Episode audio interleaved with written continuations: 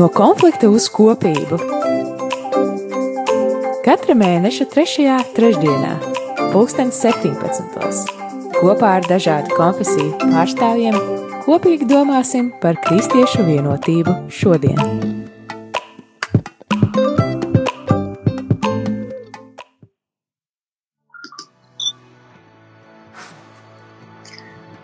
Labvakar, mīļie rādījumi, arī klausītājiem, labvakar, studijas viesi.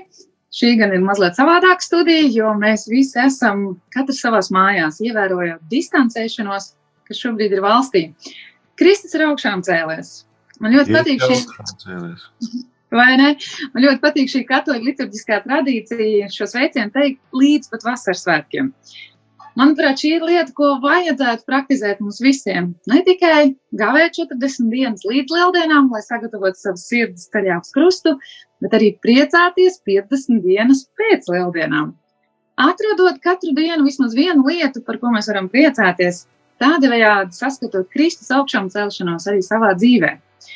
Šī ir trešā mēneša trešdiena, Pūkstens ir 17.00 un ēterē skan raidījums par kristiešu vienotību no konflikta uz kopību.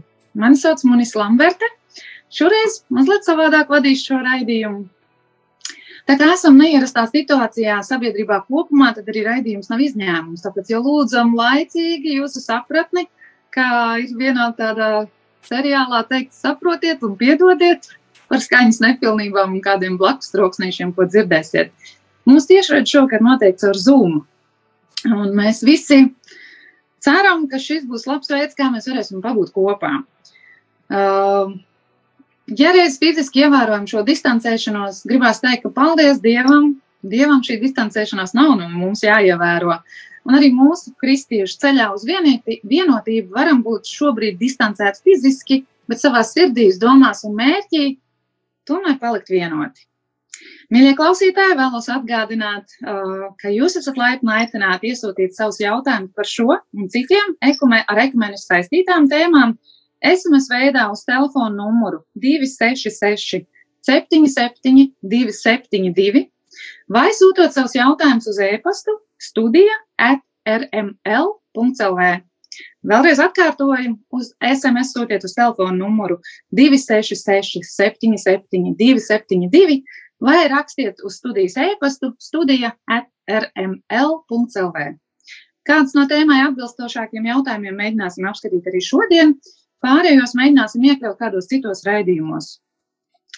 Tātad šī vakara tēma ir Bībele, jeb svētie raksti. Uh, šovakar gribēsim paskatīties uz, to, uz tiem, gan uz Bībeli, gan uz svētiem rakstiem ar dažādu konfesiju acīm, lai atrastu atšķirīgo, bet kopīgi meklētu to, kas tajā vieno.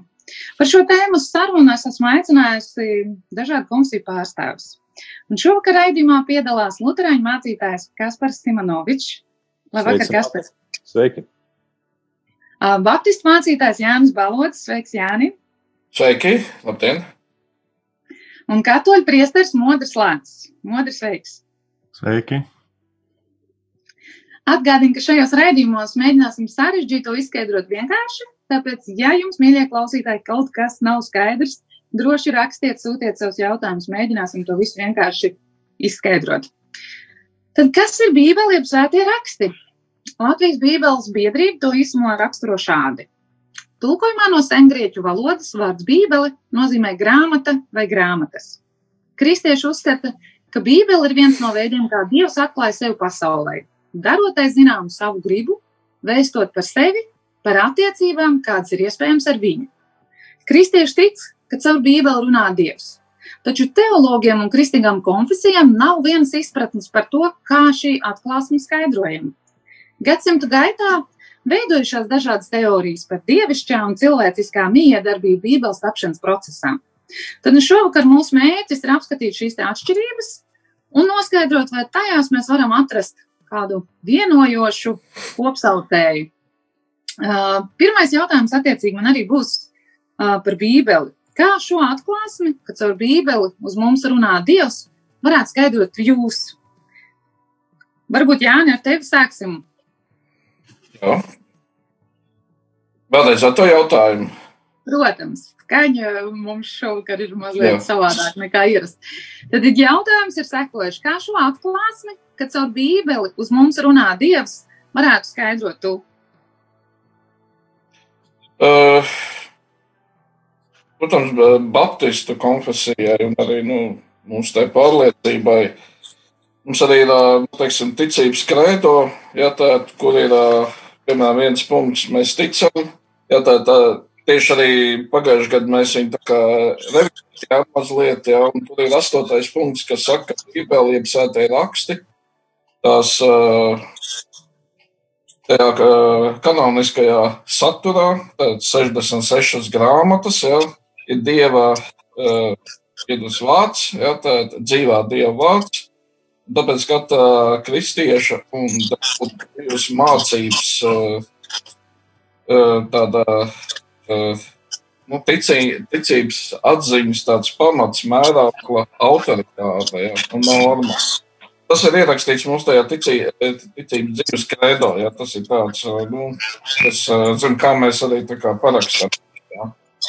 Un, protams, tas ir autoritīvs. Ja, tad, nu, nu, jautājums ir, ja, kā viņš ir nonācis. Ja, un, un es domāju, ka viņš nonāca caur cilvēkiem, ja, tad jau iedos caur cilvēkiem, kas ir nu, dievam atvērti un dievam notrūšies, ja, kas šo vārdu ir darījuši mums uh, saprotam, pierakstījuši. Jā, tā. Modri, kāds ir tavs komentārs? Uh, man šķiet, ka lielā mērā es uh, pievienojos tam, ko saka Jānis. Un, protams, arī, ja ieskatāmies tajā dokumentā no konfliktu uz kopību par Lutāņu un Katoļu kopīgo reformācijas gada dienas atceri no 2017. gada, tad tur ir uzsvērti vairāk tādi aspekti, eh, kas attiecās uz eh, katoļu mācību, un tur parādās tādi svešvārdi kā maģistērijas un interpretācija un tradīcija, apustuliskā tradīcija un sakrālā vai svētā tradīcija. Tad tas marķinīt sarežģītāku to lietu padara, bet kā Monis, jūs teicāt arī, ka vajag to no, um, vienkārši paskaidrot. Tad, uh, protams, ka sākumā um, šie teksti nav bijuši rakstiski. Tie ir um, kā dzīva mutvārdu tradīcija bijusi, un uh, tas, ko Jēzus ir teicis, uh, to tikai pakāpeniski pierakstījām. Un tāpēc, ja runā par to konfliktu, tad droši vien, ka tur ir problēma arī par to, ka Mēs nevaram iedomāties Bībeli, kā, kā dažreiz to salīdzina ar Korānu, ka viņa ir nomesta no debesīm un, un gatava jau. Tad, protams, kā jau Jānis teica, ka tie ir iedvesmotie autori, kur to ir uzrakstījuši tā laika izpratnē, tā laika valodā. Un, protams, ka apstuļi, arī skatoties to, ka, piemēram, četri evaņģēlīji tik savā ziņā atšķirīgi, uh, pat varētu teikt, trīs uh, sinoptiskie ir, ir ļoti līdzīgi, bet Jāņa evaņģēlis, piemēram, ļoti atšķirīgs. Un uh, tad kurš uh, pateiktu, ka, kurā dienā tad īsti tā pasha ir svinēta un tam līdzīgi, šīs detaļas, tad uh, varbūt ir kāds, kurš to var paskaidrot. Un tāpēc ir svarīgi, ka mēs uh, nu, neiedomājamies, ka tagad tu paņem um, grāmatu galdā vai Latvijas ielas veikalā nopērts bībeli, atšķir vaļā, uh, Un tev viss ir skaidrs, eh, ka tieši tā tur ir noticis, un eh, tu visu labi zini. Un ir svarīgi, ka mēs pētām, eh, lasām dažādos tulkojumos, mācāmies oriģinālu valodu, koinē grieķu un tam līdzīgi, un nodarbojamies ar eksigēzi, kā tas viss ir veidojies, tas teksts. Kā caur Bībeli uz mums runā Dievs, kā tu to varētu paskaidrot tādiem īsiem vārdiem, kā tev tas šķiet? Pirmkārt, um, es atceros no Kurta Vanagota to, uh, tādu detaļu, ka viņam pa brīvu grib autobusā uzdāvināt vai nu, iedot Bībeli jauno derību, kur Jēzus vārdi ir sarkanu iedrukāti. Un tad arī varētu tā stādīties priekšā, ka, nu, lūk, tas, ko Jēzus saka, tas viens pret vienu ir Dieva vārds. Bet uh, arī apstuļu vēstules un arī Jāņa atklāsmes grāmata uh, tas ir veids, kā Dievs vēlas, lai mēs par viņu uzzinātu vairāk, bet pats Dieva vārds ir Jēzus Kristus, protams, ar, ar viņa dzīves šo nu, paraugu un piemēru. Paldies, Modri. Kas par tava kārta? Jā, es atļaušos varbūt tādu ļoti ikdienišķu salīdzinājumu. Pirmkārt, pasakot, ka Bībele ir Dieva vārds, Bībele ir Dieva atklāsme, Bībelē, um, Bībeles teksts uh, mums pavēstīja svarīgāko, kas mums būtu jāzina par pasauli, par dzīvi, par attiecībām, par attiecībām ar sevi, ar līdzcilvēkiem, ar Dievu.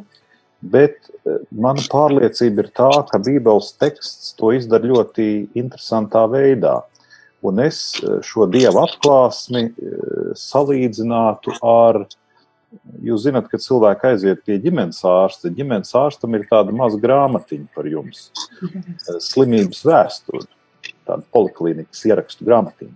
Tur ārsts godprātīgi fiksē visu, ko jūs atnākat un ko jūs padalāties ar viņu. Un tur viņš ieraksta kaut kādu diagnozi, ko viņš jums ir uzstādījis.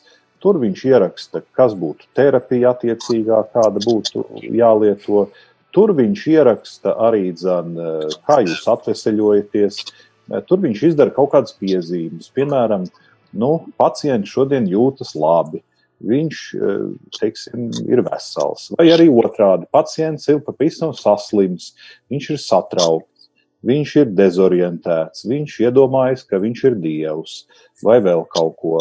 Pacients šodien ir agresīvs un tam līdzīgi. Citiem vārdiem sakot, Eh, šis salīdzinājums, Bībeles salīdzinājums ar tādu poliklīnikas ierakstu grāmatiņu, ļauj labāk saprast, kāpēc Bībeles stāsti un teksti brīžiem ir tik daudzveidīgi, brīžiem tik eh, šķietami nesaprotami, jo tur parādās agresija, tur parādās vardarbība, tur parādās kaut kādas jā, dīvainas eh, izpratnes par to, ko Dievs liek cilvēkam darīt vai neliek darīt. Citiem vārdiem sakot, Bībele ļoti godprātīgi piefiksē realitāti. Tāda tā ir.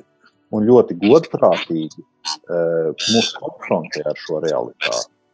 Ļaujot ieraudzīt gan labo, gan to pareizo, gan arī to aplamo. Un to varbūt brīžiem pavisam slimīgo mūsos. Kā uz svētiem rakstiem raudzījās reformācija? Tas laiks, kā jau Jānis arī mazliet iezīmēja, un nebija tas vieglākais. Arī tālāk mēs runāsim par šo, kāpēc ir atšķirīgs skaits bībelēs, gan katoļiem viens, gan luterāņiem un, un citiem protestantiem cits veids. Bet um, kas tad notika reformācijas laikā? Kā tas, kāpēc tur tika izmaiņas kaut kādas veids bībelē? Nu, man jāsaka tā, ka reformācijas tēmai tika veltīts viss pagājušais gads eh, vai pirms diviem gadiem. Un, un, tā, tā, un tur ir entie sērijas ar visādiem raidījumiem, pētījumiem, publikācijām un grāmatu grāmatām. Reformācijas laiks ir ļoti daudzslāņains. Tajā vienlaikus notiek lielas pārbīdes, Eh, ekonomikā, politikā, eh, tautsēmniecībā, eh, kaut kādos garīgos jautājumos. Un tas viss rod savu tādu kvintesenci, tādu, tādu nu, sabiezējumu tieši šajos, šajās garīgajās cīņās vai šajās nesaskaņās starp Lutheru un, un Katoļu baznīcu. Bet es teiktu tā, ka, protams, reformācijas nu, tāds aktuālais aizsākums ir Luters un viņa meklējumi pēc uh, izlīguma, pēc žēlastības dieva. Viņš ir noguris uh, cīnīties un, un ņemties un mēģināt izpildīt visas prasības, un viņš meklē žēlastību. Un eh, mēs zinām, tīri vēsturiski, ka viņš atklāja šo žēlastības momentu uh, ticībā, paļāvībā uz to, ka Kristus uh, mūsu grēkus ir paņēmis uz sevi, izcietis par mums, un Dievs mums piedod tādēļ. Un vienīgais, kas mums jādara, ir šī žēlastība jāpaņem, jāpieņem šis piedāvājums. Un patiesībā es domāju, šī centrālā asa tad arī ir tā, ap kuru beig, beigās savērķis visa diskusija, tā skaitā par Bībeli, par to, kā Bībeli interpretēt, saprast, kurš drīkst viņu uh, skaidrot un kā viņa ir jāskaidro. Jo pašam Lutheram, kā zinām, Bībeles skaidrošanai bija viena centrāla asa, tas ir Kristus. Visur tur, kur mēs paņemam rokā Bībeli un gribam to skaidrot sev un citiem, mums ir jāpajautā, vai tajā, ko es saku, vai tajā atklājas Kristus, vai tajā atklājas Dieva žēlastība. Ja nē, tu varēji arī to mierīgi neteikt nevienam. Un es domāju, tas ir tas, kas nosaka to, to reformācijas laika, to garīgo asi, ap ko viss rotē. Jā, nu vai tu varētu mums pastāstīt nedaudz īsumā šo vēsturisko aspektu, kāda tad bija Bībele pirms 16. gadsimta, cik tur bija grāmatas, un tā vienkārši sakot, tādā brīdī atnāk, vienā brīdī atnāk Luters, paņem kaut kādas grāmatas nost, un tad paliek citāds skats uz Bībeli. Kas tur īsti notika, kāds tas vēsturiskais skats varētu būt tādos īsos vārdos, cik bija sākumā, kas tika noņemts, varbūt tu zini, kāpēc, vai vismaz kāds tad tur beigās tas rezultāts bija. Tur jau būs jājautā vairāk ir eh, modē katoļu brālim. Jā, tā, nu, par, viņam būs nākamais jautājums. Jā, par šo te, bet, eh, bet jāsaka tā, nu, ka, protams, vispār jāskatās pirmkastīgā daudz, nu, kur jau, ko viņas, kur viņi balstījās, kas tā bija viņa raksti, jā. Un, protams, eksistēja, nu, šeit, šeit, jā, tā, tā eksistēja tā, gan ebreju, jā, tā, tā, ebreju valodā un gan arī grieķu valodā pieejama raksta. Ja, tā ko. Un, cik es tā vēsturiski tā īsumā pateiktu, ja, tā, tā, tā kā sākumā, sākumā nu, teiksim, kristieši pieturējās vairāk pie tās septuagintas, tad pie tā grieķu tekstiem, ja, nu, teiksim, kas bija valodā. Ar ebrejiem notika kaut kā viņi, nu, kaut kādā brīdī, tā kā no kristiešiem atdalījās, viņi palika pie saviem ebreju tekstiem, ja, kas ir. Nu, un, eh, bet tomēr tajā vēsturiskā gaitā jau aiziet eh, tā baznīca, veidojās, attīstās. Un jau tā, kad ir konflikts, tas jautājums, kas tad ir tie īsti, īstais. Jā. Ļoti daudz dokumentu, ļoti daudz dokumentu. Un tas ir, ja jautā par Bībeles patiesumu vai nē, ja viens no tiem, kāpēc Bībele ir unikāla grāmata, ir šo milzīgo dokumentu klāstu, kas ir ja, teiksim, par kuriem mēs nešaubamies, ir arī daudz tādu, par kuriem reizēm ir diskusija, kāpēc tos vajag izdot to domu evaņģēlijas, kā tu modas varētu būt par, par tiem, kas ir Bībelē, nāk vēl klāt, ja, kas nav tajā kanonā, ja, teiksim, kas ir protestantu, ja, teiksim, tajā domāšanā. Ja. Tie ļoti parāda to laiku, to bagātību. Ja. Protams, daudz dokumentu arī aizgājuši īpaši vajāšanu laikā bojā. Ja teiksim, bibliotekas tika nodedzināts un tā tālāk. Ja. Bet uh, es domāju, arī reformācija savā veidā viņa parādīja, kā pasaule attīstījās, un cilvēks sāk uzdot jautājumus. Ja. Un, ja paskatāmies to do, dokumentu, kas konflikts radās, ja, ja ir baznīca, kas, eh, kas ir faktiski pretendē, ka viņai bez viņa, viņas noteikšanas ja, nav nu, tā autoritāte sāk tā iet pāri tam dieva autoritātei, ja, mazliet. Ja. Un cilvēks sāk redzēt, tie vārdi neiet kopā ar tiem darbiem. Ja. Bet šeit es pat negribētu teikt, ka viena konfesija vainīga. Tas ir jebkur, jebkurā sistēmā, jebkurā. Ja, ja mēs redzam, tie vārdi nesaskan ar darbiem. Ja. Un tas bija arī Lutera jautājums. Ja, nu, ja pēkšņi tā indulgence ja, tā atnāk šāda. Ja. Viņam ir šie jautājumi, viņš sāk meklēt to patiesību Bībelē. Sāk meklēt salīdzināt ar Dieva vārdu, ka tas ir vēl viena problēma, tā, ka cilvēkiem jau tas Dieva vārds nebija līdz reformācijai tā pieejams vienkāršam cilvēkam.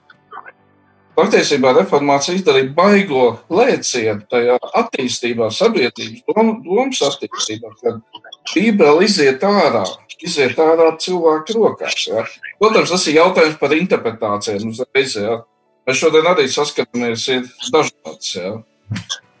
Nu, tāpēc es varam gribētu saprast, tagad, ja es paņemu rokās katoļu bībeli un luterāņu vai baptistu, vienalga, tur ir atšķirības. Ir vienā bībelē es redzu vairāk, ir nodaļas, vairāk grāmatas, ja mēs tā tiešāk mēģinām pateikt, un otrā ir mazāk. Nu, es teiksim, Bībeles biedrība tagad izdod Bībeli ar apokrifiem, jā, un, un apakriņu grāmatas, kas nav kanālā. Ko nozīmē apakriņš? Varbūt, lai cilvēki arī, kas skatās Jā. un klausās, saprot, tas, kas tas īsti nu, ir. Tā, tās ir tās grāmatas, kur ir, nu, teiksim, tas jautājums par, par viņu tādu, nu, piemēram, ja Lūkas evaņģēlijas, Jāņa evaņģēlijas, Marka evaņģēlijas, ja tad vairāk, nu, teiksim, ja mēs runājam par Jēzus dzīvi vai kā, nu, apliecinās, ja, nu, viņi saskan arī sinoptiskie, ja līdzīgi, un, un tad, eh, teiksim, pie apakrifa eh, nāk, nāk klāt arī tādi kaut kādi vēl no citas kultūras, ja, no grieķu kultūras, kaut kādas domas un atziņas. Un cilvēki sāk jautāt, ja, vai tas tā ir bijis vai nav, ja, vai tas, tas autentiskums. Ja. Modri, vai es tev varu pajautāt šobrīd, lai mums ir nu, arī tāda diskusija vairāk šobrīd, tas ir nedaudz grūtāk izdarīt nekā studijā. Uh, Vai tu varētu īsumā mums pastāstīt, cik ir grāmatas katoļu bībelē, ja mēs tā varam teikt, un cik ir protestantu? Um, katoļu bībelē vecajā derībā ir 46, ja Jeremija un rauda dziesmu grāmatiņam kopā ir 45, un jaunajā derībā ir 27. Un uh, ir viena tāda nianse uh, tajā uh, jaunajā bībeles tūkojumā, 2012. gada, ir vesela nodaļa deuterokanoniskās grāmatas. Un īstenībā tajā grupā ietilpst vairākas grāmatas, kuras arī katoļiem nav kanonā. Bet deutero nozīmē otrais, tā kā otrais kanons. Tā, tā kā Jānis teica, tad tās, kuras nav iekļautas grieķu bībelē, respektīvi otrādi, kuras nav ebrejiski atrodamas, tās neiekļaujam kanonā, un tad viņas paliek tā kā otrajā kanonā. Bet, piemēram, ja lasa Tobita, Judītas, tad Esteras grāmatā no Septogīnas tas arī, kas būtu jau iekšā Esteras grāmatā, Makabiešiem, piemēram, tur ir pat četras grāmatas, katoļu kanonā ir divas. Un tad, protams, Salmana gudrības grāmata, Sīraha gudrības grāmata, Baruha, Jeremijas vēstuli, un tad ir fragmenti, kuri ietilpst, piemēram, Daniela grāmatas pielikumi par Zuzānu un tam līdzīgi, kas mums ir arī atsevišķi lasījums liturģijā. Un pēc tam ir vairākas grāmatas, kuras, laikam, ir tikai pareizticīgajiem. Un tas vārds apokrifs savukārt ir tās grāmatas, kuras nav ne katoļiem, ne, ne arī nu, nevienā kristīgā konfesijā, viņas nav kanonā iekļautas, bet kuras ir saistītas ar dažādām kristīgām tēmām. Tur ir Jēzus, un tur ir Marija un apstuļi, piemēram, pieminētais Toma evaņģēlijas. Viņu um, arī izdeva latviešu, un ir interesanti viņu palasīt. Bet tu, tu saproti, ka tur ir vairākas detaļas, tādas, kur jau tas šķiet kaut kas šaubīgs, vai nu tur tiešām tā ir noticis, kā tur ir rakstīts. Uh, Un, acīm redzot, izvēloties, kuras grāmatas iekļaut kanonā, tas viss ir ņemts vērā, ka ir nu, pārskatīts un um, pārbaudīts, vai, vai šī grāmata atbilst un, un neat, kura neatbilst. Jo par to septogīnas principu mēs varam pateikt par ebreju un par veco derību.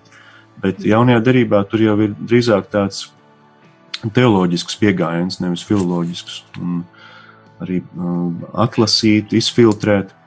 Un man uh, varbūt ir drīzāk pat jautājums par Jēkaba vēstuli, jo es tā esmu dzirdējis, ka Lutheram viņa nevisai patika, bet uh, cik saprotu, ka viņa ir uh, nu, arī Luterāņu bībelē. Kas par kā tur ir Luterāņu bībelē? Ir mums tajā bībelē iekšā šī grāmata? Jā, protams, ka ir, jo Luters jau turējās patiešām pie tā kanona, kas attiecās uz veco darību, pie tā ebrejiskā kanona. Tur ir pilnīgi taisnība. Un, un savukārt par jauno derību, kā jau es teicu, viņš bija izvirzījis pats priekš sevis šo iekšējo kritēriju, ka kristum ir jābūt tai atslēgai vai tam centram, ap ko visiem rakstiem ir, ir, ir jā, nu, jārotē apkārt, vai nu, Kristus ir centrā. Un tad viņš tieši ar šādu mērauklu arī lasīja, uh, piemēram, jauno derību. Un viņam radās jautājumi par jēkabu vēstuli, jo tajā īpaši neatspoguļojās ideja par dieva žēlastību. Vai, piemēram, viņam jā, radās jautājumi par Jāņa atklāsmes grāmatu arī. Nu, var sakot, viņš e, patiesībā neviļus aizsāka uh, to, kas vēlāk, krietni vēlāk pārtapa par vēsturiski kritisko metodi. Respektīvi, Luters nekautrējās e, iziet ārpus iepriekšējās tradīcijas rāmjiem un Bībeles pētīšanā un skaidrošanā pielietot veselo saprātu, dažādu kritisku, kritiskus dažādus avotus un, un, un tā tālāk.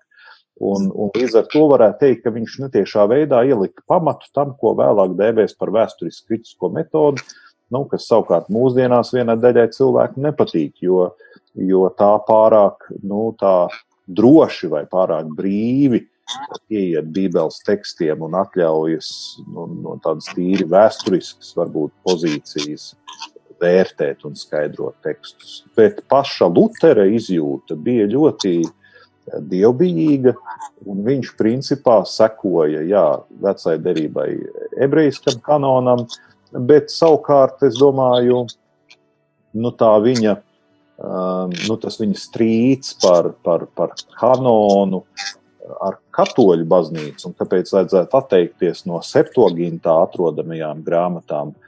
Es domāju, ka tas ir, tā ir kļuvusi vai bija kļuvusi lielā mērā par daļu no cīņas savstarpējās uh, par to, kuram ir tiesības interpretēt, kādus secinājumus mēs varam izdarīt no Bībeles lapusēm. Un Lutheram bija svarīgi uzsvērt to dievu žēlastības elementu, un tāpēc viņš centās atbrīvoties no visa, eh, kas traucēja viņam paturēt eh, Kristu centrā. Un, ja ja pāvests viņa prātu uzdrošinājās nostāties ar savu autoritāti priekšā Kristum, Luteram nebija problēma pabīdīt, mēģināt pabīdīt arī šo malā. Ja kaut kāda vēsturiska tradīcija nostājās viņa prāta Kristum priekšā, viņam nebija problēma arī to pabīdīt malā. Tā kā viņš diezgan drosmīgi centās atbrīvoties no visa, kas viņa prāt traucēja cilvēkam ieraudzīt Bībeles lapusēs Kristu un Dieva žēlastību. Modri, man te ir jautājums tāds pavisam vienkāršs. Tagad mēs tā nedaudz apstājāmies arī šo vēsturisko pusi. Es gribētu saprast, ja es kā vienkāršs cilvēks, nezinu, pirmo reizi redzu Bībeli, ieju kādā kristīgā grāmatnīcā, un man ir divas iespējas izvēlēties katoļu Bībeli vai protestantu Bībeli. Kā man saprast, kura tad ir pareizāka, vai arī vai abas ir pareizas, kur man izvēlēties, vērtēt pēc cenas vai pēc ieteikumiem, kas būtu tas, lai cilvēks, kurš vienkārši nesaprot, kāpēc ir divi atšķirīgi veidi bībelēm, spētu izvēlēties vienu to pareizāko, vai arī ko mēs varētu viņam ieteikt. Jā, tīri praktiski runājot, latviski tā arī mums ir, ka ir viens ekumeniskais tulkojums, jaunais bībeles tulkojums, 2012. gads, kur ir sadarbojušies uh, gan katoļu, gan uh, protestantu, nu, dažādi eksigēti, bībeles pētnieki un tūkotāji, un uh, kas īstenībā ir mm, no filoloģiskā viedokļa vislabākais uh, iespējamais variants pašlaik. Bet uh, grāmatu gādā nevarēs nopirkt vai grāmatnīcā uh, katoļu bībeli latviski. Tāda neeksistē. Ir uh, divi uh, varianti katoļu jaunajai derībai. Viens ir latgaliski, Aloisa Broka tūkojums pirms otrā pasaules kara un prelāta Vincenta Strelēvica tūkojums no latīņu valodas, kurš ir pieejams arī internetā. Šķiet, ka, ja paskatās katolis.lv, viņš varētu būt kaut kur pieejams. Un, ja salīdzina, Aloisa Broka tulkojums ir no grieķu valodas, un viņš ir ļoti precīzs. Vienīgais, ka tad ir mazliet labāk jāzina latviešu valoda, lai viņi tā labi varētu uztvert. Bet nu, ir jāņem šis jaunais Bībeles tulkojums vai nu ar deuterokanoniskajām grāmatām, kas ir tas biezākais variants, vai arī bez tāds plānāks, un jāsāk lasīt. Un tas, ko, piemēram, Katoļu baznīcā liturģijā izmanto, tas tulkojums var ja tā pārfrazējot, varētu teikt, lekcionāra tulkojums, tur ir nedaudz atšķirības no šī eh, jaunā Bībeles tulkojuma. Nu, gan tas, ka viņš nav, nav mainīts, bet arī tā jēga mazliet tāda tradicionāla. Un, lai to atkal sekot līdzi, var mieram tuvu grāmatiņā skatīties. Tur, tur ir šī, šie liturģiskie Bībeles lasījumi. Nezināju, ka nevar nopirkt katoļu bībeli. Kāpēc tas tā ir? Nu, mēs uh, Latvijā esam paši par sevi neliela tauta, uh, latvieši, un uh, citās lielajās kultūras valodās ir, piemēram, Franciski ir 20 dažādi bībeles tulkojumi, un tur ir gan katoļu, gan Jeruzalemes bībeles tulkojums, kur ir Jeruzalemes bībeles skola, uh, gan ekumēniskais bībeles tulkojums, gan liturģiskais eh, bībeles tulkojums, Ženēvas bībele un tā tālāk. Un angliski arī ir ļoti daudz uh, King James version un, uh, un dažādi mūsdienu, mūsdienu valodā, piemēram, tas ļoti interesanti lasi, kas ir augšām celšanās, mēs jau esam pieraduši pie tā vārda, vai resurrection, tad viņi ieliek kādu jauno vārdu iekšā. Es domāju, ja mums būtu uh, ļoti eh, bagāta valsts un ļoti bagātas eh, baznīcas, mēs droši vien varētu to atļauties, ka, piemēram, Jānis izveidotu savu Bībeles eh, komisiju un, un Kaspars savu, un mēs izdotu pārdāvos grupējumu ekumēnisko variantu, kas vēl būtu labāks par jauno Bībeles tulkojumu. Bet, nu, diemžēl mums tie resursi ir kā ir, un tāpēc mēs varam priecāties, ka ir šāds uh, tulkojums, pat ja daudz viņu kritizē. Un, Bet, Bet ko tad pirms tam cilvēki lasīja? Nu, ja es, es, es nezinu, piemēram, ja katolis ir mājās un vēlas atvērt Bībeli, ko viņš atver? Nu, ir 1965. gada revidētā versija. Tas diezgan interesants, tas Bībeles latviešu tulkojuma tā vēsture. Pēc Ernesta Glika, pirms pāri pa 400 gadiem tulkotās Bībeles, uh, Viņš kā alūksnes mācītājs, pirmais latviešu nu, vācietis, ja, pirmais iztulko Bībeli. Kopš tā laika tā bija tā pati glika Bībele, kas bija visu laiku uzlabota un atjaunota. Un īstenībā, varbūt kāds vai Jānis vai Kaspars varēs precizēt, tā īsti tāda jauna tulkojuma mēģinājuma bija tikai 20. gadsimtā. Varētu teikt, ka tāds īstais tulkojums ir tiešām tas, kas tagad ir. Jā darīts. Bet es, es gribētu tādu piebildu teikt, pašlaik notiek arī šī jaunā tulkojuma tāda revīzija. Ja? Jo, jo iet cauri, jo viņš bija izdots, ja? protams, ir dažādas reakcijas. Jāsaka, tā ir cilvēki, kas ir pieraduši pie 65. gada, ir cilvēki, kas lasa vecā drukā. Ja? Uh, ir cilvēki, kas uh, atkal teiks, ka tie 65. gadā tur ļoti daudz valodu, valodu tādu visādi jautājumu bija. Ja? Bet uh, tas jaunais tulkojums ir, tas ir tāds unikāls darbs. Un, un pašlaik ir vienkārši tie jautājumi, kādam varbūt tur liekas, tas vārds nav tā, tas tā, nav. Nu, arī paši tie autori, kas ir piedalījušies tajā tulkošanas procesā, viņi arī pamanījuši, ka ir kaut kas jāpamaina. Ja? Un notiek, un tas jaunais tulkojums tiek uh, veidots, pilnveidots. Ja? Un man tas liekas, tas ir tāds fantastisks.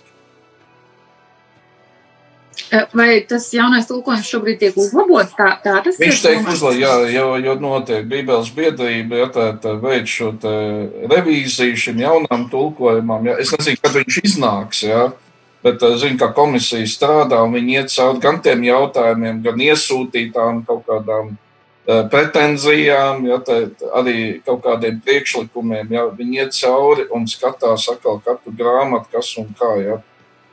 Un, un tas ir tāds process. Ja. Labi, ja mums šobrīd ir laiks muzikālai pauzē, lai mēs mazliet arī varam pārbaudīt, vai viss strādā.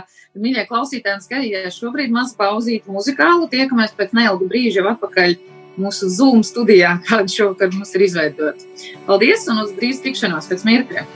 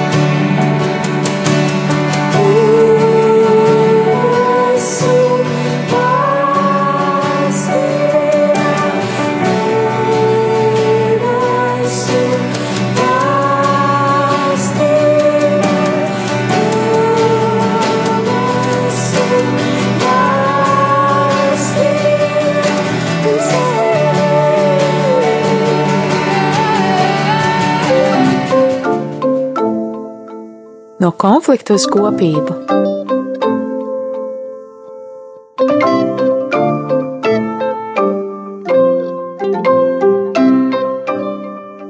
Jā, jūs, klausī, jūs klausāties raidījumu par kristiešu vienotību no konflikta uz kopību. Studijā, šajā Zoom studijā šoreiz esmu es Monis Lambert un šovakar ar mani kopā par tēmu uh, Svētie raksti vai Bībele diskutē Lutrēņu mācītājs Kaspars Simonovičs baptistu mācītājs Jānis Balodis un katoļu priesteris Modris Lācis. Pirms mēs turpinām skatīties šos te jautājumus tālāk, kas ir tādi vairāk vēsturiskie fakti, mums ir arī iesūtīti kādi klausītāji jautājumi, kurus mēs labprāt gribētu arī um, pa, pastāstīt tālāk jums un, un dzirdēt kādas atbildes. Uh, tad viens no klausītāju jautājumiem ir, vai raidījuma viesi varētu pakomentēt, kāpēc pareizi ticīgajiem ir vēl atšķirīgāks rakstu kanons nekā katoļiem un um, protestantiem. Kurš no jums uzņemās šo atbildi sniegt.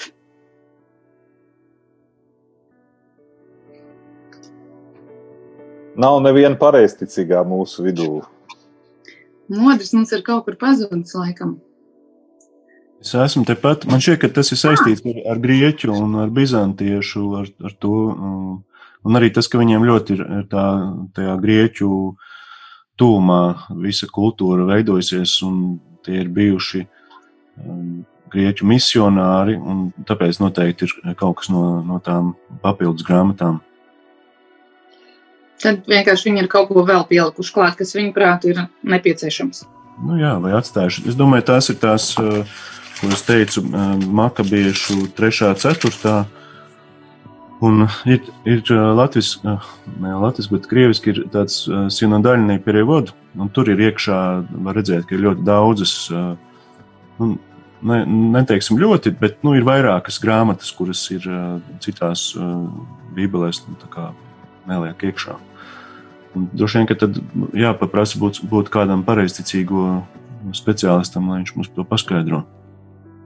Būtu interesanti, droši vien kādreiz diskusija arī kādu no viņu pārstāvjiem uzaicināt, ir paskatīties, kāds ir viņu skatījums uz kādiem no jautājumiem. Paldies, Modri! Nākošais jautājums, kas mums arī ir atsūtīts no kāda klausītāja, ir sekojošs. Kā var zināt, ka tas, kas rakstīts Bībelē, ir patiesība un ka svētie raksti laika gaitā nav sagrozīti? Kurš no jums uzņemās šo jautājumu atbildēt?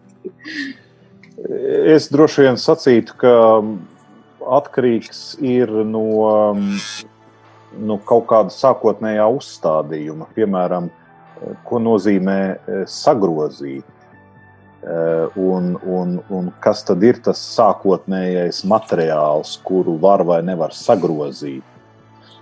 Un, un, un, protams, jautājums ir vispār par, par to, kā, piemēram, klausītājs, kurš uz, uzdod šo jautājumu, kā viņš, piemēram, zina, ka tas, ko mums saka ziņās, ka tā ir patiesība. Respektīvi, tas ir uzticēšanās jautājums lielā mērā. Vai tu uzticies, tā sakot, ziņas avotam, tam, kurš tev šo ziņu saka, kurš tev šo ziņu vēstīja. Un šajā ziņā, tīri vēsturiski, tradicionāli, protams, ka kanons ir izveidojies uh, draugu vidē, sākotnēji baznīcas vidē, baznīcas paspārnē. Un jau kanona veidošanās laikā notiek diskusijas par to, kuras grāmatas ir vērts iekļaut un atstāt nākamām paudzēm lasīšanai, Eh, kuras grāmatas eh, mēs apzināmies, ka tās ir dieva iedvesmotas un atklāja mums kādu garīgu patiesību, un kuras nē. Un tur bija jau sākotnēji tika izvirzīti vairāki kritēriji.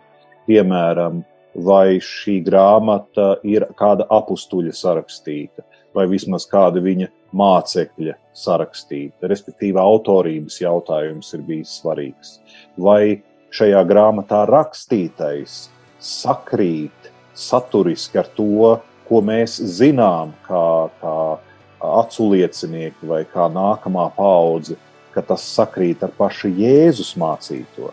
Respektīvi, tur jau no paša sākuma bija kaut kādi tādi nu, patiesības kritēriji vai, vai, vai argumenti, kāpēc tā vai cita grāmata būtu jāiekļauj tā saucamā kanonā. Savukārt vēlāk tad, kad kanons jau izveidojās, tad jā, eh, kopējumās mašīnas jau nebija vienīgais veids, kā pavairoja grāmatas un bībeles tekstus, tā skaitā bija, ka tās tika pārrakstītas ar roku.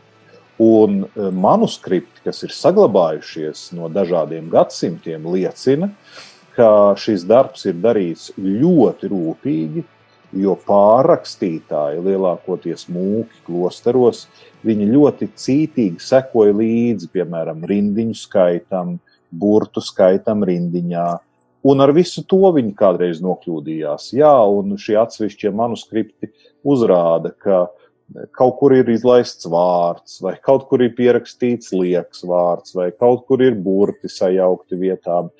Un savukārt eh, kritiskā pētniecība, par kuru es jau sacīju, visu šo ņem vērā un ir speciāli akadēmiski uh, manuskriptu apkopojumi, kuros var redzēt visas līdz šim atrastās iespējamās atkāpes vai izmaiņas. Visi šie manuskriptu teksti atrastie vēstures gaitā ir salīdzināti savā starpā, un to izdarot atklājas, ka Bībeles teksts ir lielā mērā nemainīgs, ja nemaldos, tur 97 vai pat vairāk procentos. Un tās novirzes, vai atkāpes, vai atšķirības šajos manuskriptos ir pāris procentu robežās, kas ir tāda statistiskā kļūda. Un līdz ar to, jā, un līdz ar to varētu sacīt, ka Bībeles teksti nav grozīti, nav mainīti kopš lielā mērā pašiem pirmsākumiem. Vai varētu teikt, eh, piemēram, ka, protams, ka, kā tu jau teici, būs cilvēki, kas piesiesies pie šī cilvēcīgā faktora, bet vai to varētu attiecināt kaut kādā mērā arī uz to, ka, kā Bībelē ir teikts, ka burts noklāja, bet da, gars dara dzīvu, ka Dievam šī mūsu personīgā, nedaudz savādākā izteiksmes veidi vai līdzekļi nav šķērslis uzrunāt tieši šo cilvēku? Es domāju, ir ir arī vēl tāda lieta, ka nu, tīri, tīri jau arī tādas personiskas liecības. Ja tas, ko Kaspars pateica par šo skrupulozo pieeju, ja, tā, pie tiem pie tekstiem un tā tālāk, bet ir arī taču ir daudz vēsturē cilvēku, ja, un arī šodien ir cilvēki, ja, kas caur šiem rakstiem ja, tiek iedvesmot un gan viņu dzīve ir izmainīta. Ja, tu to nevari uh, nu, teiksim, tā, nu, varam jau notēlot, ja, ka mēs esam nu, tādi pareizi un viss ir kārtībā. Ja, bet es domāju, ja cilvēku dzīves mainās ļoti radikāli, ja, un nu, viņš vienkārši var pateikt, ja, tas ir tas. Un es personīgi esmu to redzējis, nu, teiksim, arī mazliet palīdzot, teiksim, cietumā, kapelānu. Nu, redzot un klausoties, kādi ir tie cilvēki bijuši pirms tam un kas notiek, lasot viņiem Bībeli. Ja kādas nāk tās atziņas, viņa vērtējumi, ja, tās vēlmes pēc tam, tu redzi, ka arī tas notiek reāli. Ja. Un tas ir tās tīmans, tāds, nu, tad ir tas jautājums, ja, nu, kas vēl, jā. Tas par piedod, es tev. Nē, nē, viss kārtībā, bet atbildot Munis uz tavu jautājumu par to, vai Dievs var uzrunāt mūs arī tiešā veidā, varbūt par spīti dažkārt kaut kādām atšķirībām, tulkojumos vai neprecizitātēm tekstos. Protams, dievam visas lietas ir iespējamas.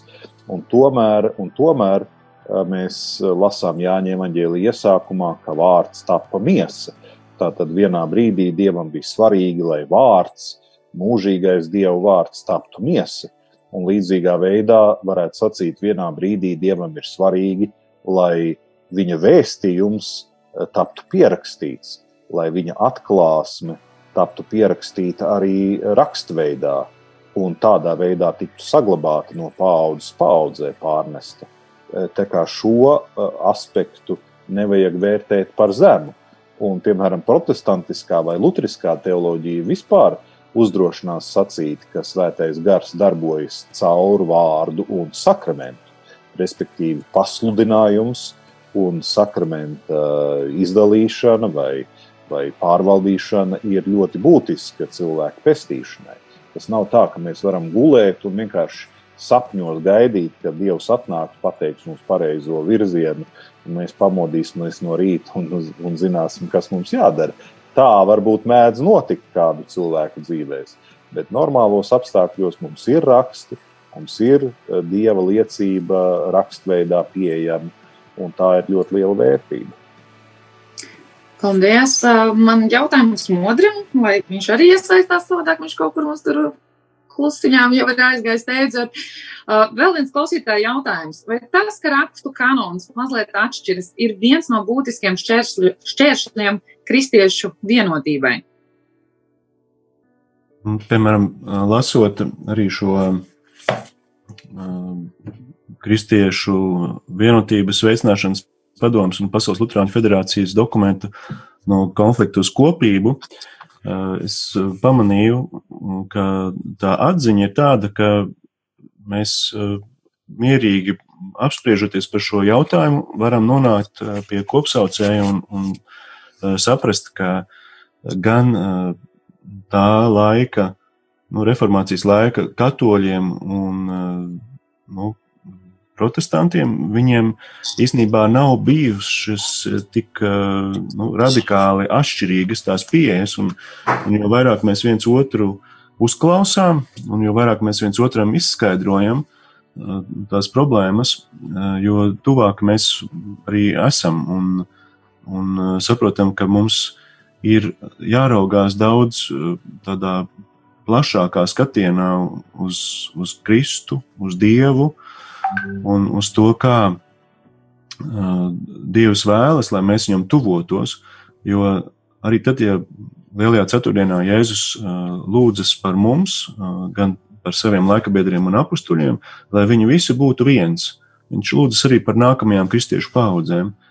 Un tad tu saproti, ka tas, kādā veidā ir uh, tas konkrētais teksts uh, mums izdrukāts, piemēram, ja nu tipogrāfijā kāds tur sajauc kaut ko, nu tā jau nav, uh, var, nu, tas nav šķēslis pestīšanai. Ir svarīgi, ka tu esi lūkšanā, lūdzu svēto garu un ka tu tiecies ar, ar citiem kristiešiem un mēģini noskaidrot, kur tad ir tā, tās atšķirības. Un, manuprāt, arī tas, ko Kaspars jau un, Jānis teica, ka mēs nedrīkstam būt tādi fundamentālisti, ka, uh, Bībelē ir rakstīts tā, un viss, bet varbūt beigās izrādās, ka tā pati vēsturiskā kritika uh, atrod, ka, ah, šis te fragments īstenībā tur tādos un tādos manuskriptos nemaz neparādās. Un, bet tu esi visu savu dzīvi uz to teikumu balstījis. Un ko tad? Tad ir, ir svarīgi, ka tā kā Luters ka ņem uh, to kontekstu, uh, kā, uh, kā tas ir uh, ar visu no to, ko Kristus ir teicis, nevis izraut kaut ko vienu ārā no, no, no Bībeles. Un tad, ja ir šāds kopskats, manuprāt, ir, ir uh, daudz vieglāk arī saprast, ka tās atšķirības, kas varbūt uh, ir starp kristiešiem, ka viņas nav katrā ziņā Bībeles teksta atšķirības, tas nav tas būtiskais, uh, par ko mums vajadzētu tik ļoti uztraukties. Man liekas, ļoti jauka atbilde. Paldies, Modi. Mums laiks ne, neapturams, skrien uz noslēgumu, un es um, priecājos, mīļie klausītāji, par jūsu daudziem jautājumiem. Lielas jums paldies! Diemžēl laika ierobežojumu dēļ mēs šoreiz viņus nevarēsim visus apskatīt, bet um, mēs jau esam runājuši un plānojam atsevišķu raidījumu, kurā apkoposim visus jūsu iesūtītos un uzdotos jautājumus, un tas būs tāds tieši jautājumu atbilžu raidījums, kurā mēs uz, Mēģināsim rast atbildes uz visiem jūsu jautājumiem. Bet noslēdzot šīs dienas raidījumu, es gribētu aicināt jūs, mīļie diskusiju dalībnieki, katram pāris teikumos pateikt, Modrs jau to lielā mērā izdarīja, kas tad varētu būt tas vienojošais, lai mēs neskatītos uz šīm bībeles un svēto rakstu atšķirībām, bet atrast tajā vienojošo, kā, kā mēs, kā dažādu konfesiju pārstāvji, varētu tajā rast tomēr šo dieva šo sarunu ar Dievu vai Dieva atbildes. Man ļoti patīk, ka es neatceros, vai tas bija Klairs Steiplis, Luis vai kāds, kurš teica, ka Bībele ir vēstule no mājām. Tur ir tik daudz vēstules no mūsu īstajām debesu mājām, ka man tiešām gribās, lai mēs tajās ieraugām šīs vēstules, nevis meklējam, kur katram ir kaut kas cits ierakstīts, jo vēstules jau arī visiem vienāds neraksts, ne? Uh, lūk, šīs pāris teikumos pastāstīt noslēgumā tādu vienojošo, kā jūs šo redzat, kā mēs varam rast vienotību dažādās bībeles, gan tulkojumos, gan arī dažādos konfesiju bībeles, svētos rakstos vai bībelēs.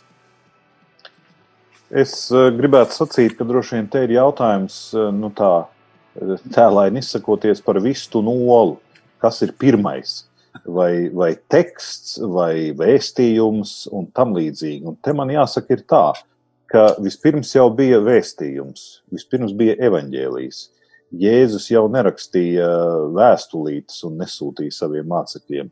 Viņš sludināja, viņš sludināja par Dievu valstību, viņš sludināja, ka Dievs ir mīlestība.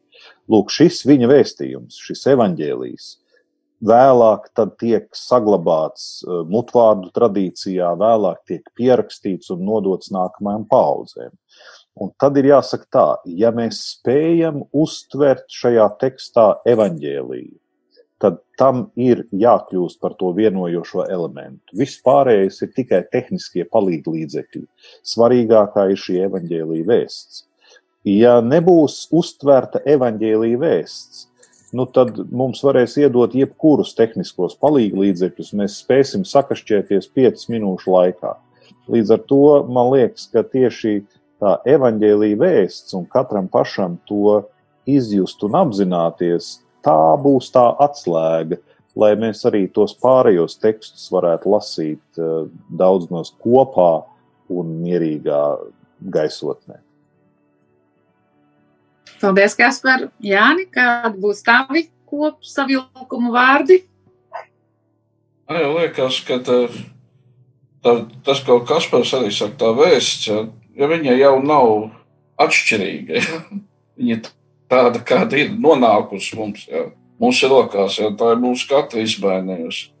Es domāju, tā ir tā, nu, tā mūsu attieksme, mūsu cieņa arī. Bet pirmām kārtām ir jau Dievs mūs ir izmainījis caur šo vēstu. Ja? Mēs, mēs to redzam. Tad, tad ar kādām tiesībām es varu pateikt, vai modis vai kas pats viņš ir sliktāk izmainīts nekā es. Ja? Mēs zinām, ka Dievs darbojas savā veidā. Katrā dzīvē viņš atrod to savu ceļu ja? un, un zina to labāko. Ja? Un tā ir viena vēsts, ja visa vēsts, kas mums ir arī šeit kopā. Mēs esam pateicoties tai vēstī. Ja? Paldies, Jāni, modri.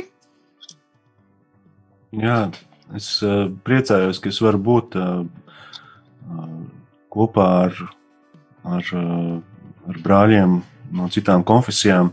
Uh, arī tas, ka mēs varam ne tikai raidījumos satikties, bet arī lūkšanās un, un tādā sadraudzībā, jo tas mūs dara uh, tuvākus un, un ļauj ieraudzīt to būtisko. Tad, kad tu paskaties uz savu konfesiju, uz savu tradīciju, ar citām acīm, tu ieraugi, ka bieži vien tu esi diezgan ar šauru skatu. Un ieraudzīt, kā citi skatās, kā citi uh, tuvojas dievam, tas ir ļoti, ļoti svarīgi, lai mēs šo dažādību uztvertu kā bagātību. Ka Dievs nav ietverams kādā vienā kanonā, vienā rāmītī un, un vienā būrītī. Viņš ir brīvs, kā tagad lieldienu laikā arī evaņģēlijā, Jāņa evaņģēlija gars būs, kur viņš grib. Man liekas, ļoti skaists vārds, un Andri pateica, ka dažādība ir šī mūsu bagātība, un nav mums jābūt visiem vienādiem, jo mēs katrs esam atšķirīgs, un tas ir tas skaistais, kas mums arī atšķir viena no otra.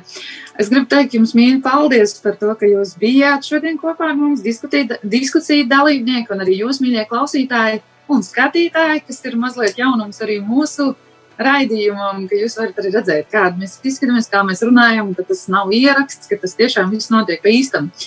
Uh, gaidīsim jūsu jautājumus vēl aizvien uz studija rml.lv vai varat uzskatīt arī Facebookā un kur no jums tas ir ērtāk izdarīt.